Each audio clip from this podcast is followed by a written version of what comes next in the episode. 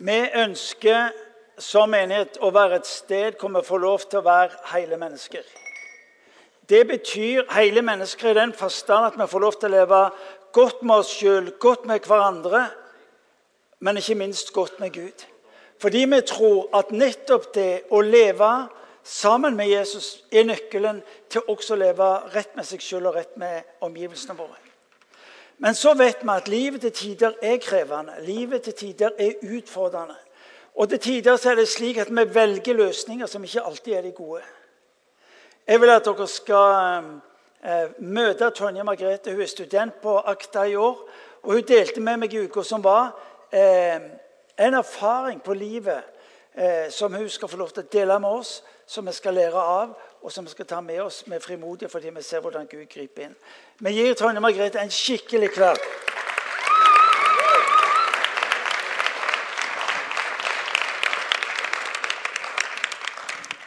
Egen mikrofon. Du er heldig. Ikke så veldig nervøs. Det går så bra. Hun har nettopp, eh, hun kommer, hun nettopp vært i fengselet. Det, det, det, kan bli litt feil, men det hun egentlig vil si det at uh, hun er med i fengselsgruppa vår som besøker uh, fengselet, og som ønsker å nå dem med det som er godt. Tonje Margrethe, liv har ikke alltid vært like greit for deg. Nei, det har ikke det. Eh, kort, hva skjedde, og hvordan møtte du det som var vanskelig? det var for tre år siden. så ble livet ganske tøft. Eh, og det førte til at jeg begynte med selvskading. Og ja, det ble bare tøffere og tøffere. Når du sier selvskading, hva betyr det? Hva var det du gjorde? Kutta meg på armen. Du kutta deg på armen? Mm. Mm. Hvorfor gjorde du det? Eh, det var liksom måten å bare håndtere situasjonen på. Mm. Det høres ikke godt ut. Og vi vet at mange, mange faktisk eh, velger å gjøre det når livet blir vanskelig. Rett og slett fordi at smerten i livet er, er større enn smerten som en kjenner når en skjærer seg. Eh, du fikk legge dette bak deg. Ja. Fortell. Eh, I påska, på palmesøndag, så eh, Jeg var igjen på Mosvangen. Eh, og Martin var igjen. Martin som går på bibelskolen. Eh, og så skulle han på G11. Jeg hadde ikke tenkt å gå. Eh, og så spurte han om han kunne få tyggis, og da måtte jeg gå gjennom hele gangen for å hente en tyggis. Eh, og jeg gjorde dette. Og mens jeg gikk gjennom hele gangen, så tenkte jeg sånn at da kunne jeg like godt bare kle på meg og bli med.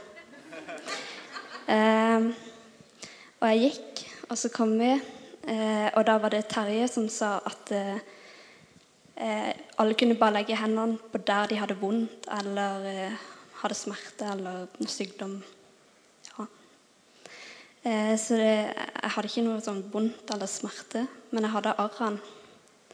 Eh, så jeg la hendene bare på arrene, på håndleddene. Og så, under gudstjenesten, så ble de mer og mer usynlige.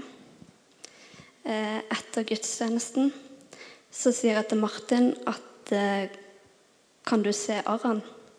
Så sier han nei, det er ikke noen arr der. Så arren er helt borte.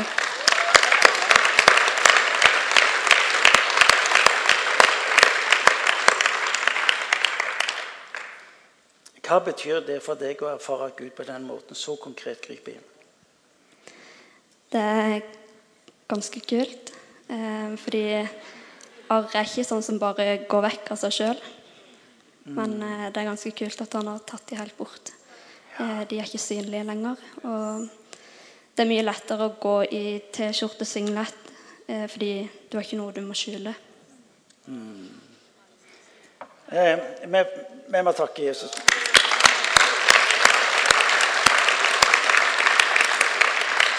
Kan du, kan du gripe slik at folk ikke tviler på at dette du nå sier, er sant?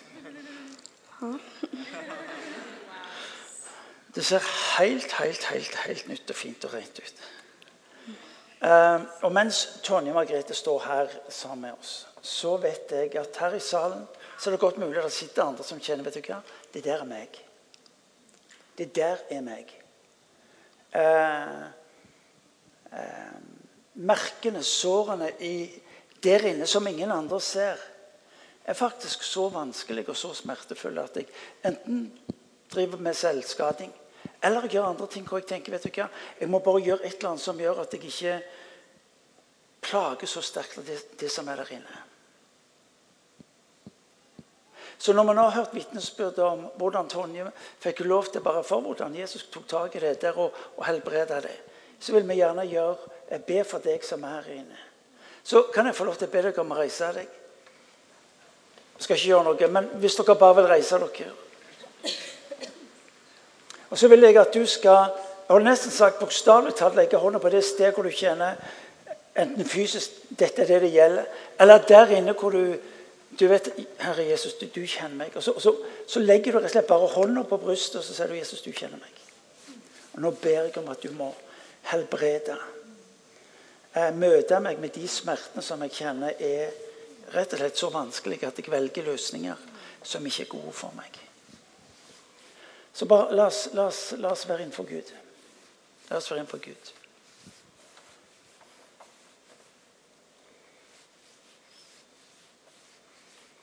Kom, Hellige Ånd. Kom til den enkelte av oss nå, Herre.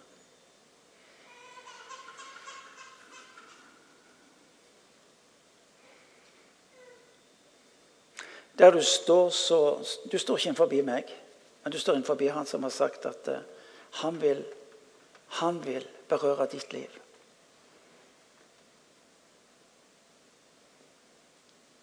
Og så skal du la vitnesbyrdet fra Tonje få lov til å være et vitnesbyrd som sier om han som bryr seg, han som griper inn. Herre Helligånd, jeg ber du skal komme til den enkelte her vi nå står.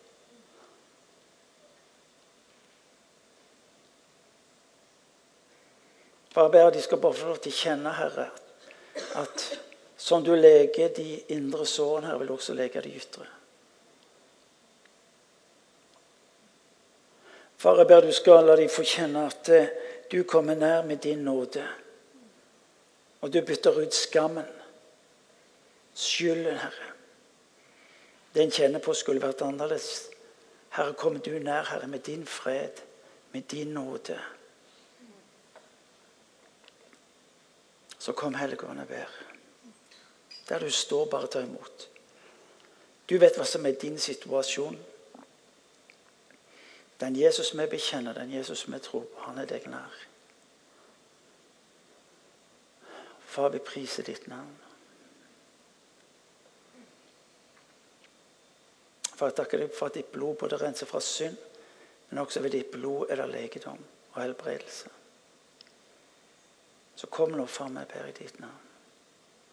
Takker deg for vitnesbyrdet som Tonje bringer fram, og ber samtidig for at de vitnesbyrdet skal få lov til å være en proklamasjon om at du gjør det igjen, Herre. Kom, Herre Jesus. Bare stå der og ta imot. Stå der og ta imot. La han, la han, få, la han få lov til å med sin ånd å berøre ditt liv.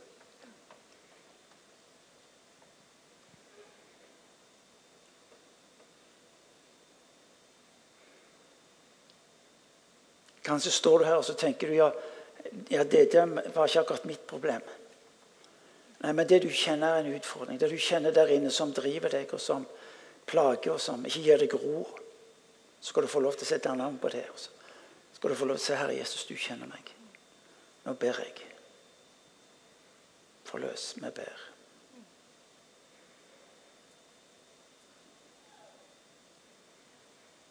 Herre, jeg takker deg. Priser ditt navn bare proklamere din, din nåde og din ser, Herre, over våre liv.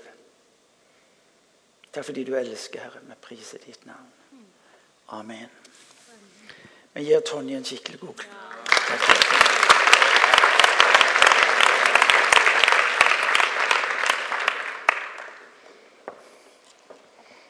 Fantastisk. Ser dere hva jeg har? Der. Kom han. se nå godt etter. Søren òg. Hva var det du sa? det var et? Et frø? Du ser det er et frø. Nei, men jeg regnet med det.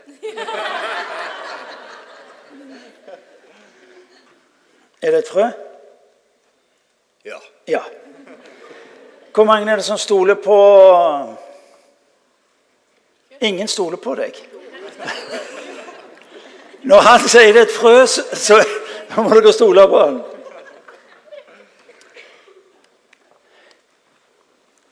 Du sier du ser et frø. Nå skal du høre. Jeg ser et tre. Jeg ser et tre. For det interessante er at ut ifra dette frøet er det at treet vil bli synlig og bære frukt. Når du og meg ser et eple, så tenker vi Ja, hva er forbindelsen?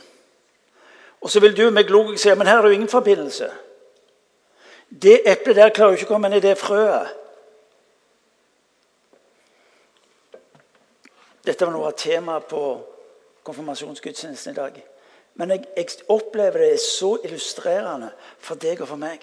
Fordi at du og meg har en tendens til å redusere det Gud vil gjøre i ditt og mitt liv. Du og meg har en tendens til å forklare og fortelle hvem vi er, og så diskvalifiserer vi oss sjøl for det Gud ønsker å gjøre i ditt og mitt liv. Hva er det du ser når Jesus har tatt bolig i ditt liv? Hva er det du ser? Er det det lille, det ubetydelige, det som ikke har noe å si i denne verden? Eller ser du det treet som han, ved å ta bolig i deg med sitt liv, ved sin ånd, ønsker å se virkeliggjort? Hva er det du ser? Det er det vi skal se litt på nå i eh, kveld, noen minutter, når det gjelder talen. Paulus sier i Romerbrevet kapittel 8 eh, Dere kan slå opp, dere som har Bibelen. Dere som ikke har med Bibelen, regner jeg med kan, eh, kan han utenat. Så Fra vers, kapittel 8, vers 31 i Romerbrevet.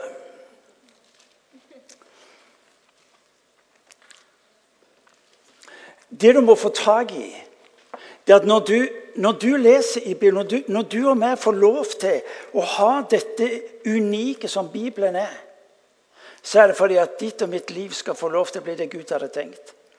Ikke at noe skal forbli å være frø, men bli det treet som produserer på den ene sida eh, det som eh, treet sjøl trenger, men den frukta som andre skal få tak i. Så vi leser sammen i kapittel 8 fra vers 31 eh, La meg bare sånn innledningsvis si det. Vers 1. Så er det da ingen fordømmelse for den som er i Kristus Jesus. Det er litt av en bekjennelse over ditt og mitt liv. Der du og meg er eksperter på regnestykket som forteller at vi er diskvalifisert. Hvor du og meg vet, Vi har så, vi har så god oversikt på postene i dette, dette regnskapet vårt. På det som diskvalifiserer. Og så sier han det er ingen fordømmelse. Det han egentlig sier, det er, det er ingenting mer å gjøre opp på det regnskapet. For dette er oppgjort. Det er sletta. Det er ingen fordømmelse over ditt og mitt liv. Det betyr at du og meg skal slippe å plage oss sjøl. Fordømme oss sjøl. Ha stadige oppgjør med alt som skulle vært annerledes i våre liv. Det er ingen fordømmelse. For av nåde er du frelst, sier Guds ord. Av nåde. Det betyr gratis. Det er ingen sånn en skjult agenda i det der. Det er ingen sånn en Han tar deg et eller annet sted Nei. Så er det da ingen fordømmelse for den som er i Kristus Jesus. Altså, han, Der inni treffer ikke fordømmelsen deg fordi den treffer ham. Der du og meg står opp er skyldnere, der treffer det han. Og han sier 'jeg tar det'. Vet du hva som Djevelens største og viktigste måte å tenke på for å ta deg og meg, det er å flytte oss ut av dette at vi tror at Gud ikke lenger bryr seg, eller at Jesus ikke lenger er glad i oss. Fordi vi, vi fiksa det, vi holdt ikke mål. Får han oss ut derfor, så får han oss hvor som helst. Det viktigste som, som du leser i Bibelen, er at han har et ønske om å ta deg inn i relasjonen med seg. Jeg kan vite mye om kongen, jeg. Altså han som holder til i Oslo. I dette svære huset, vet du. Enden av veien. Men min kunnskap om han slipper meg ikke inn. Disse her snåle folka som står jo forbi med disse våpnene altså fra 200 år tilbake i tid. Liksom, er du med? Altså, det, de kan ikke skremme noen. Har du tenkt på det? Min kunnskap om han slipper meg ikke inn. Men min kjennskap til om det var så Hvis han var på det rette nivået, ville gi meg fri adgang. Hva vil det si å være en kristen? Det vil si å ha fri adgang. Det er ikke noe skyldbrev. Det er ingenting som diskvalifiserer. Er det noen som sier Martin, dette er elementært? Ja, La meg fortelle deg det. Jeg har vært frelst i ca. 47 år. Dette er noe av det mest gedigne jeg opplever med å være en kristen. For ut ifra det springer alt det andre.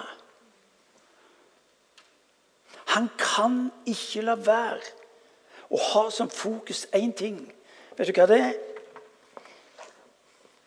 Det å se at det livet han har lagt ned i meg, skal virkeliggjøres. Dere hørt meg si det mange ganger. Hva vil jeg si å være en kristen? Jo, la Gud få lov til å være Gud i livet ditt. Ja, men jeg kan så lite Ja, men det gjør ikke farlig, det. Hva er nøkkelen til at dette frøet kan bli et tre? Næring. Vann. Sol. Lys. Det er faktisk det det trenger. Så det viktigste for deg og meg, vet du hva det er? Med alt det som skulle vært annerledes, det plasserer oss på den plassen hvor han kan få lov til å gjøre det i livet mitt. Det er en annen god eh, betegnelse av å skulle være en kristen. Hva vil det si å, en, vil det si å skulle leve som en kristen? Jo, det, det å plassere seg der hvor alt det Gud har for meg, kan bli virkeliggjort. Jeg skal ikke gjøre noe. Nja, Jeg regner med jeg var i et selskap med noen gode venner i går som sier, så sier den ene til den vet du hva, du er altså så brun. Hvis jeg hadde visst hvordan hun har strevd for den der brunfargen. Ja. Og den har hun ikke kjøpt i en eller annen butikk. Hvis du hadde visst hvordan hun har strevd for den der brunfargen, ja, det skal jeg fortelle deg. Men var fjor så måtte vi betale ganske mye for å komme ned til Kanariøyene. Og jeg sprang som en gal opp, fram og tilbake, opp og ned. Så jeg spurte hva du holder på med. Jeg, jeg, må, jeg, må, jeg må jobbe slik at jeg blir brun.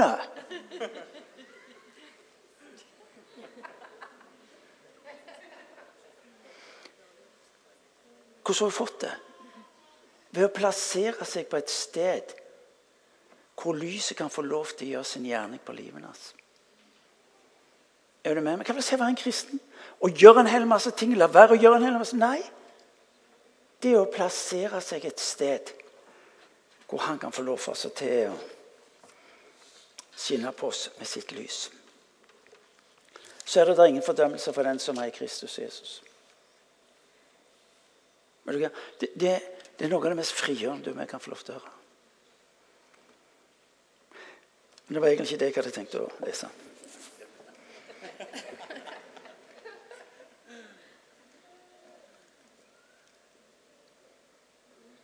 Hva skal vi så si til dette? Er Gud for oss, hvem er da imot oss?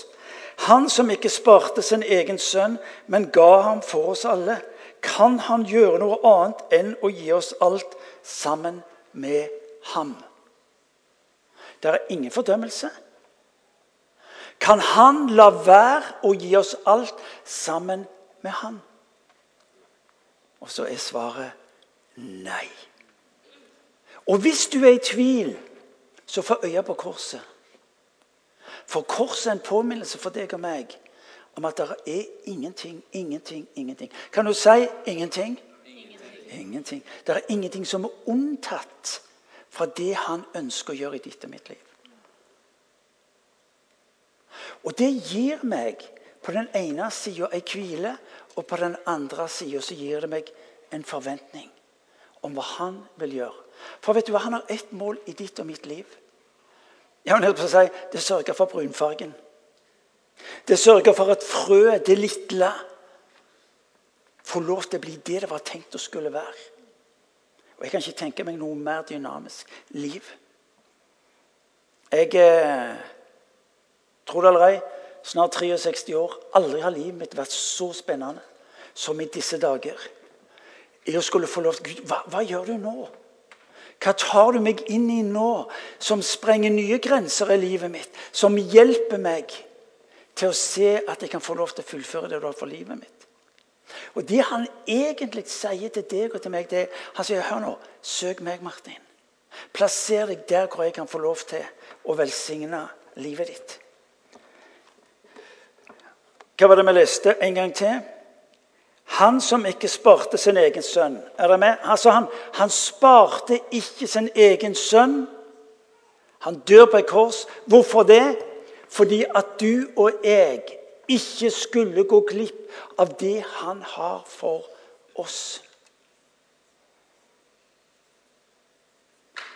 Trekk pusten.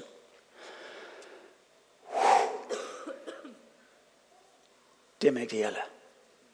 Det er meg det gjelder. I Lukas evangelium kapittel 10 vers 38 Det er det vi virkelig skal lese i dag. Lukas 10 vers 38-42. På sin vei kom han til en landsby hvor en kvinne som heter Martha, tok imot ham i sitt hjem. Martha hadde en søster som heter Maria. Hun satte seg ned ved Herrens føtter og lyttet til hans ord. Men Martha var travelt opptatt med alt som skulle stelles i stand. Hun kom bort til dem og sa, 'Herre, bryr du deg ikke om at min søster lar meg gjøre alt arbeid alene?' Si til henne at hun skal hjelpe meg. Men Herren svarte henne, 'Martha, Martha, du gjør deg strev og uro med mange ting.' Men ett er nødvendig. Maria har valgt den gode del, og den skal ikke tas fra henne. Denne enkle beretningen gir oss to bilder, to eksempler på hvordan leve livet. Det interessante er at Jesus kjefter ikke på Martha. Han har ikke et oppgjør med henne, men han rettleder henne, han formaner henne. Han viser hen til Maria for å dra Martha inn i det samme. Eh, utgangsposisjonen Når Gud skal gjøre noe i ditt og mitt liv, tro det eller ei, det at han sier 'sett deg ned og la meg få lov til å vise deg hvem jeg er'. Nøkkelen til at ditt og mitt liv skal bli det var tenkt til, nøkkelen til at frø kan bli det det var tenkt til, det er at det tar imot. Dette frøet bestemte seg ikke en dag for ok, nå er jeg kommet til denne verden. Nå må jeg bidra med mitt, og så skal jeg sannelig sørge for at det blir smell på sakene. Og Gud sier hør nå, bare ta imot, du. Det som avgjør om du vil lykkes i denne verden med livet som menneske og som kristen, det er din evne til å ta imot. Ikke primært hva du gjør. Og Her er ikke faktorenes orden likegyldig. Martha, Martha, du gjør deg strev. Men Maria hun har valgt den gode del. Hva er det som skjer når du og meg blir stressa, når du og meg får mye å gjøre? Fokuset vårt skiftes. Fokuset vårt dras i en helt annen retning. Og det gir deg også retning på livet. Det er noe som blir viktig, det er noe som blir viktigere. Det er noe som blir viktigst. Når du og meg mister fokuset, så er det andre ting som får verdi. Det er andre ting som blir viktige for oss. Og så er det det vi gir tida vår. Og når disse og dette får fokus, så vil du oppdage at det du har krefter, det du har ressurser, det er det som på et vis får lov til å tappe deg.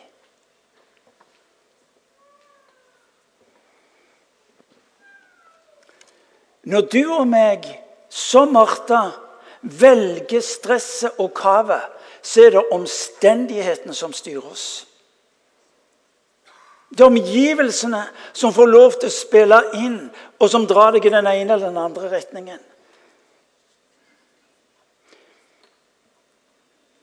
Og så mister vi, du og meg mister blikket for det viktigste, nemlig hva Jesus ønsker å gi henne. La meg få lov til å gjenta det. Det viktigste i ditt liv er ikke hva du kan, men hva du mottar. Det avgjørende i ditt og mitt liv er ikke hva vi er i stand til å prestere og utføre, men hva du og meg er i stand til å motta. Kraften, Nivået på kraften i ditt og mitt liv er ikke hva du klarer å pumpe deg opp til å gjøre, men din evne til å ta imot det som han gir deg. Og det er faktisk at Irene har ingen spesielle evner med hensyn til å skulle bli brune. Bortsett fra hun har en veldig pasjon på å bli brun. Nå skal det sies at jeg har andre venner òg. Jeg skal ikke nevne navn engang. Jeg skal, skal bare se på dem. Liv Eva lever åpent med det. Det er så festlig. vet du. Vi andre vi er på ferie. Og det er jo Liv Eva òg. Vi skal jo ikke sove bort ferien. Jeg har gleden av å reise på ferie sammen med Liv Eva. og hun har gjort det noen år. Og det er klart, Før, før sola har stått opp, så er Liv Eva klar. hun. Ja, klart hun er det. Forbilde for oss. Må ikke akkurat på sola, da. Få tak i noe som er uhyre viktig. Djevelens viktigste strategi overfor deg og meg det er ikke først og fremst å få oss til å gjøre en hel masse galne ting. Jo, det òg, men det er ikke det viktigste. Han vet hvis han kan hindre meg, gjøre det vanskelig for meg å motta fra Jesus, da har han oss. Det er ikke så farlig om det er litt sånn Ikke hør noe det som nå kommer bli sagt Marken, ja, han er ikke så nøye med synd og alt det der grapset. Jo, jeg er det òg. Men eh, prøv å få tak i hva jeg sier. Fordi at hvis djevelen kan få deg og meg Hvis han kan få deg og meg hindre oss i å motta fra det Jesus har å gi oss, da har han oss. Da har han oss.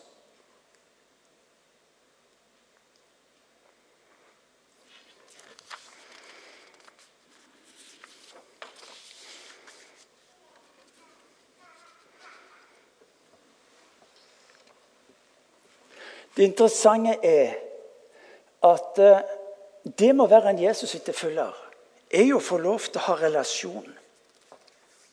Og Det mest tragiske som tenkes kan, det er når mennesker starter med denne Jesus. Og så, og så er det en type brann og et engasjement og en pasjon, jf. Liv Eva, på at å ta inn det som han har og gir og gjør. Og så går det en stund, og så er det et eller annet som skjer. Det feides ut, det, det blir ikke viktig, det blir ikke osv. Vi leser om en menighet i Johannes' åpenbaring. Der står det Se, jeg står for døren og banker. Om noen hører om en røst og åpner døren, da vil jeg gå inn til ham og holde måltid. Jeg med ham og han med meg. Det Denne beretningen forteller Jesus henvender seg til en menighet. Og Det interessante og tragiske er at Jesus står på utsida. Hvordan i verden er det mulig å være en menighet, og så står Jesus på utsida? Fordi at huset der inne var fylt med så mange andre ting at det var ikke plass til han. Ikke dette at jeg hadde gjort noe spesielt galt. Det var bare det var ikke plass til han. En god venn av meg, Knut Svein, han fortalte han skulle overnatte på hotell eh, på Østlandet en gang. og Komme inn og så sier jeg skulle gjerne få lov til å få et rom for natt. Og så sier de ja, men det er, er fullt. Og så sier ja, men det, jeg har penger, sier han. Det, det, går bra, det. Ja, men sier han, det er fullt. Ja, men hør nå, det er ikke et problem, sier han. For jeg har penger, og, og, dette kan gå så bra. Og så sier han som står bak disken, hører du ikke hva jeg sier? Det er fullt. Det er ikke plass for deg. Du må finne deg et annet hotell. Mange av våre liv er fulgt opp av så mange ting at han som skulle altså, Er dere med? Og så er det ikke plass til han. Ikke fordi vi er imot han. Ikke fordi vi har gjort noe spesielt galt. Bare dette det Martha, Martha, Martha.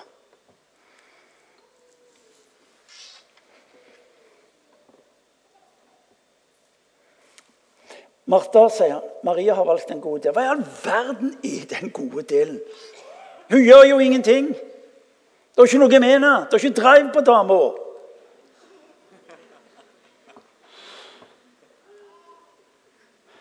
Maria har valgt den gode del. For greia den at Når du velger Guds nærvær, vet du hva, så kommer du inn i en annen dimensjon. Og det er klin umulig å bli værende i det passive hvis du får smake av det nærværet. Du trenger ikke si til den som erfarer Guds nærvær, og får se hans ansikt, at nå må du se for farten opp. Du er i bevegelse med en gang. Fordi at hans nærvær går foran deg. Og når hans nærvær går foran deg, da har du smakt nok til at jeg må være med. Jeg må følge etter.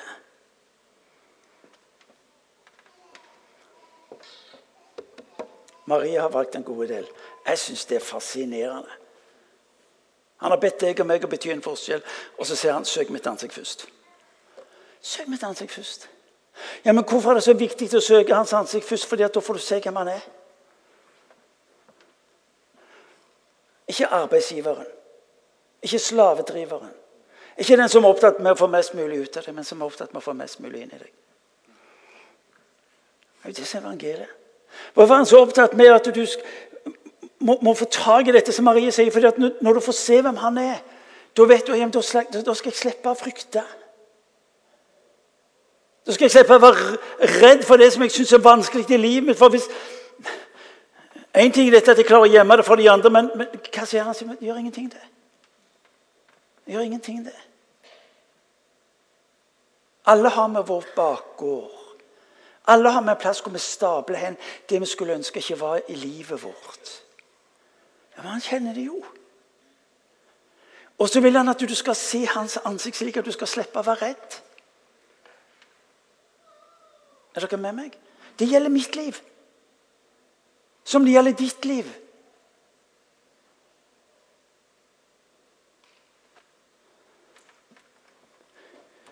Starten på den mest unike strategi, vet du hva det er? Det å stå stille. Gud sa til Jesus, 'Vær stille og vit nå at jeg er Gud'. Maria har valgt den gode del. Hva er den gode del? Hør nå godt etter, for det er så enkelt og banalt som det er avgjørende viktig i ditt og mitt liv. Den gode del er Jesus. Ingen metode, ingen teknikk, ikke et religiøst spill. Maria har valgt meg. Kjære Gud, altså. Vi gjør det så komplisert og krevende. Og se her nå, hun har valgt meg. Og om du kan få tak i dette her Når Jesus sier til Maria hun har valgt en god del, så betyr det ikke at Maria gjør en hel masse ting. Hun har bare valgt å la meg få lov til å være fokus. Jesus sitt svar på ditt og mitt problem, Jesus sitt svar på din og min utfordring, Jesus sitt svar på alt som skulle vært annerledes i ditt og mitt liv, det er seg sjøl. For andre gang, kjære Gud, for en befrielse. For når jeg finner ut at tingene burde vært annerledes i mitt liv, hva gjør jeg da? Jeg driver på å lete etter bruksanvisningen. Er du med? De ti gode råd, tips på hvordan få et annerledes liv.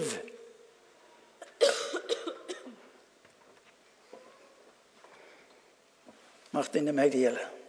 Maria har valgt en god del.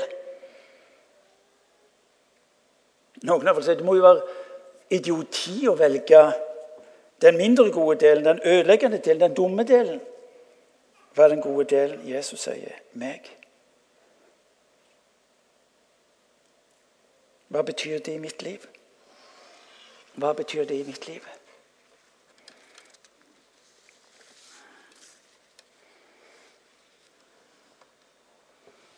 Det er rett og slett bare å være sammen.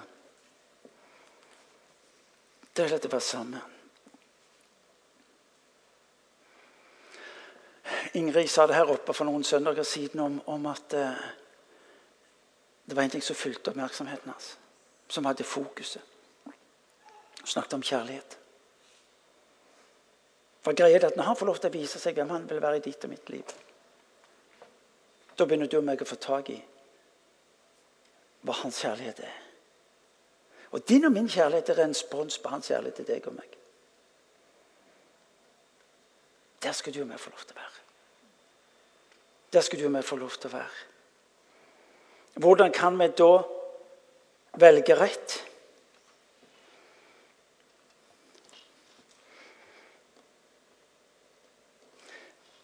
La meg spørre dem, hva, hva er visjonen? Hva, hva, er det du, hva du drømmer i livet ditt? Hva du ønsker å se skje i livet ditt? Når Jesus ble sentrum i den visjonen, vet du hva? Da vil du lykkes. Da vil du lykkes. En visjon uten Kristus blir i beste fall eh, noe som kan ha betydning. Der Jesus er vår visjon, blir det forvandling. Valg uten visjon blir toget. Tilfeldighetene styrer. La meg være personlig og dele mitt vitnesbyrd. Det er når jeg utfordres på livet, når jeg, når jeg kjenner at ting skulle vært annerledes, når jeg er usikker på, på menigheten og hva gjør vi videre, så har jeg, har en bønn, og det er Jesus, hva gjør du nå? Hva gjør du nå? Før var det jo alltid sånn Gud, kjære Gud, hva gjør jeg nå? Men så skjønte jeg ut en stund at det var det dummeste jeg kunne be om, for da hadde jeg jo problemet sjøl. Er det med meg? Altså, hva gjør jeg nå? Det er jo meg som har problemer. Jesus, hva, hva, hva gjør du nå? Hva gjør du nå? Og så er det der jeg får lov til å hvile. Ut ifra det får lov til å ause. Ut ifra det får lov til å kjenne vet du hva? Her er livet.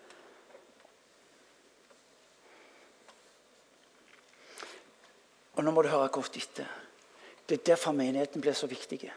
Martin Luther går så langt som å si det er ikke mulig å leve som en isolert kristen i denne verden. Du vil dø. Hvorfor det? Jo, fordi vi er så avhengige av hverandre. Derfor ga han oss kirka. Derfor ga han oss menigheten.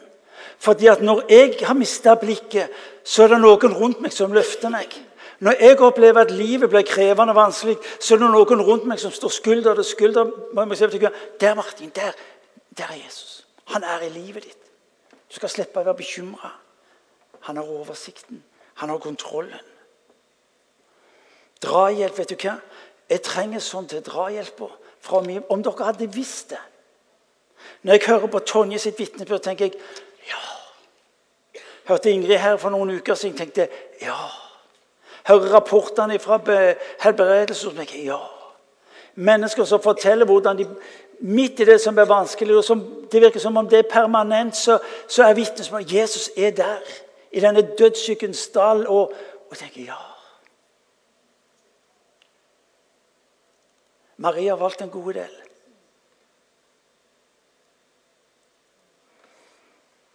Derfor har vi cellegrupper, fordi vi, vi, vet at vi trenger å komme nær hverandre. Ta hverandre inn i det fellesskapet som hjelper oss til å se ikke sånn en fanatisk, reinspikka religiøse greie. Men bare hjelpe hverandre se Jesus.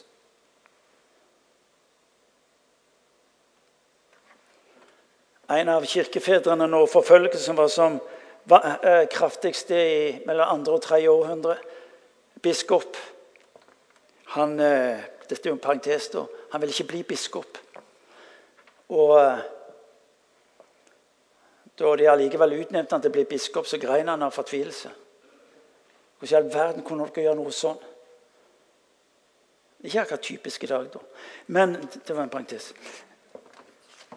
Men så blir han trua sånn hvis du fraser deg troen på Jesus Kristus, så skal du få leve. Og så er bekjennelsen hvordan kan jeg fornekte Han som i alle disse årene har vist meg sin kjærlighet, holdt sin hånd over meg og beskytta meg? Hvordan kan jeg det? Svaret er nei. Og han lider martyrdøden.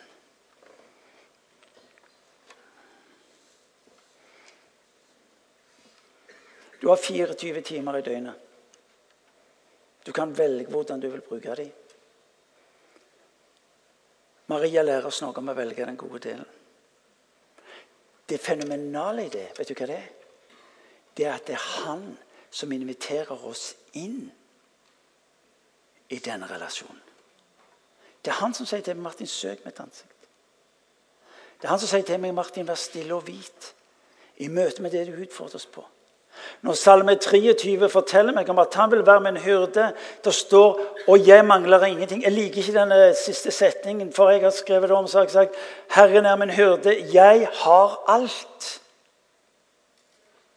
Ja.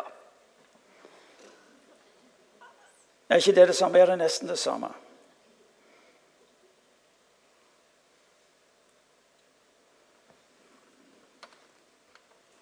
Hvorfor er det så viktig?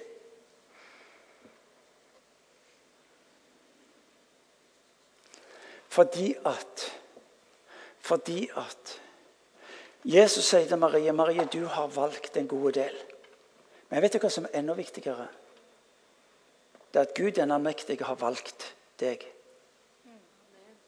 Og det er evangeliet. Det er det som gir oss frimodighet. Noen av oss klarer livet riktig så godt, andre strever litt mer. Og, og så er det ulike variasjoner på det der. Men felles for oss alle, uansett hvem vi er, så lyder Hans ord på deg og på meg.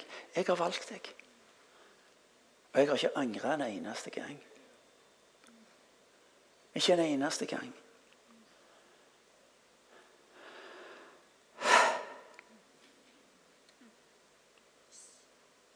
Så var det denne pinsevennen vår, da. Hva sa du? Jesus. Vi reiser oss.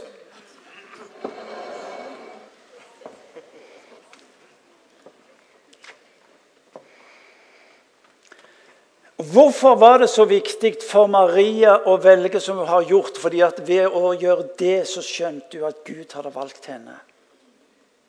Og Det jeg vil du skal ta med deg når du går herfra i kveld, så er det Gud har valgt meg. Når han dør på korset, så velger han meg. Det er for å si det litt vulgært så på trynet at jeg fatter, begriper ikke det går an. Så sang vi den gamle vekkelsessangen 'Han visste alt om meg før han meg kalte'. Han har valgt meg. Han har valgt deg. Vet du hva? Da, da blir det smell på lovsangen. Da blir det entusiasme. For da skal jeg slippe å gå rundt og, og ha ett fokus, nemlig meg sjøl. På alt som skal gjøres, alt som skal utføres. Skal jeg få lov til å si Yes, det er deg. Du har valgt meg. Ubegripelig og sant.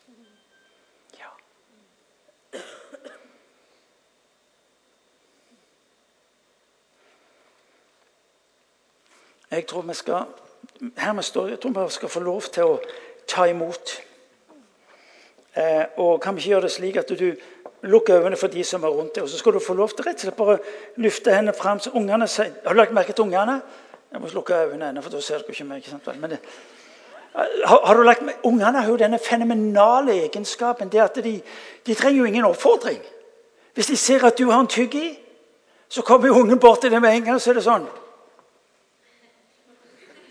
Kjenner meg ikke engang. Er du med? Kjenner meg ikke engang. Selvsagt, selvsagt vil du gi meg. Du, du, selvsagt vil du gi meg. Så um, Lukk øynene. Kanskje du ikke har gått her hjemme før. Vi gjør ikke noe galt. for Jeg skal ikke gjøre noe galt når jeg ber deg om å lukke øynene. og så går vi i kirka for første gang, og så og så sa jeg bare kunne lukke øynene. Klart jeg lukket ikke øynene, for jeg visste ikke hva som kunne komme til å skje.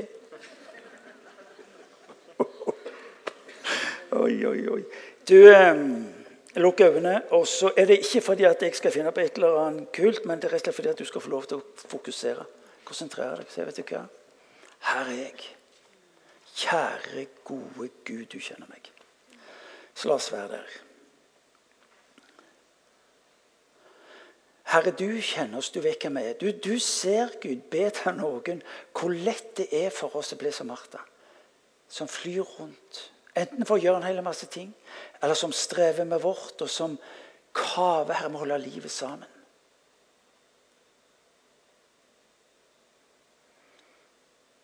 Far, jeg ber du skal minne denne enkelte av oss som er her inne nå. Far, jeg ber du skal la den enkelte av oss bare få kjenne at du du kjenner oss. Det er ingenting ved våre liv, sier du, som overrasker deg. Og allikevel så elsker du, sier du.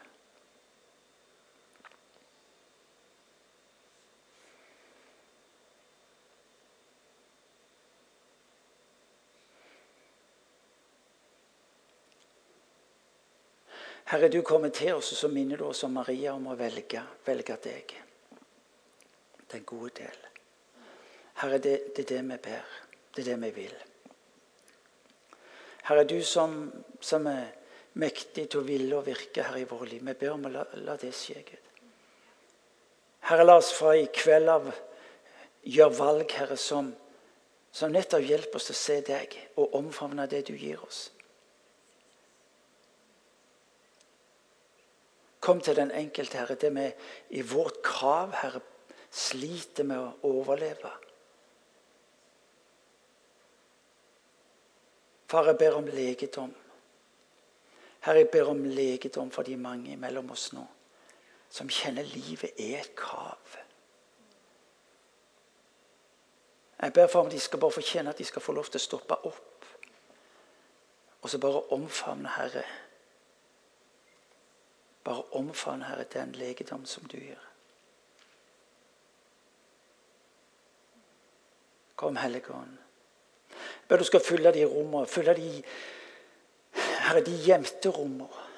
De gjenstengte rommene. Herre, vil du bare skal komme til den enkelte av oss, Herre Jesus, som, som valgte løsninger her for å overleve. Jeg ber Hellige Ånd at du skal komme til den enkelte nå. At de bare skal få kjenne Gud, at det er du som inviterer inn. Bokstavelig talt setter sette oss på ditt fang. For å forstå at du elsker.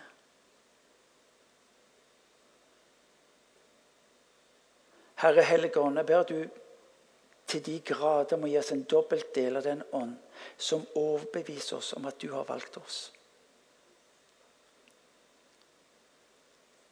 At du har valgt oss.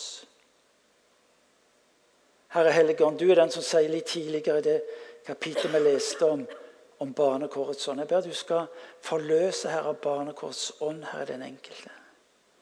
Slik at vi med fornya frimodighet og kraft våger å si 'Abba, pappa'. Kom, Hellige Ånd. Å, far, du skal komme til de som, kjenner, som sitter med mye sårhet, Herre. Herre, du er, du er legen, sier du. Jeg ber du skal komme til de som bærer med dyp sårhet, dyp sorg, dyp smerter.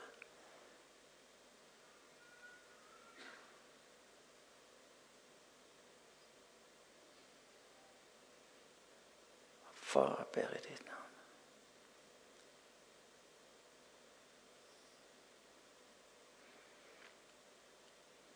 Bare ta imot. Og mens du står der og tar imot henvender meg til deg som her inne, som, som ikke er en kristen. Som vet at du, du, du er det ikke. Denne Jesus som du har hørt om i dag, han, han kommer til deg. Og så sier han at eh, 'Jeg er din Gud'. Enten du bekjenner det eller ei, enten du liker det eller ei, han er din Gud. Uansett. Og Jesus sier til i dag kan du ta imot meg som din frelser og Herre. Som den som velger deg for å fortelle deg at jeg elsker, elsker. Så der du står, kan du ta imot Jesus. Som den som har tilgitt deg dine synder.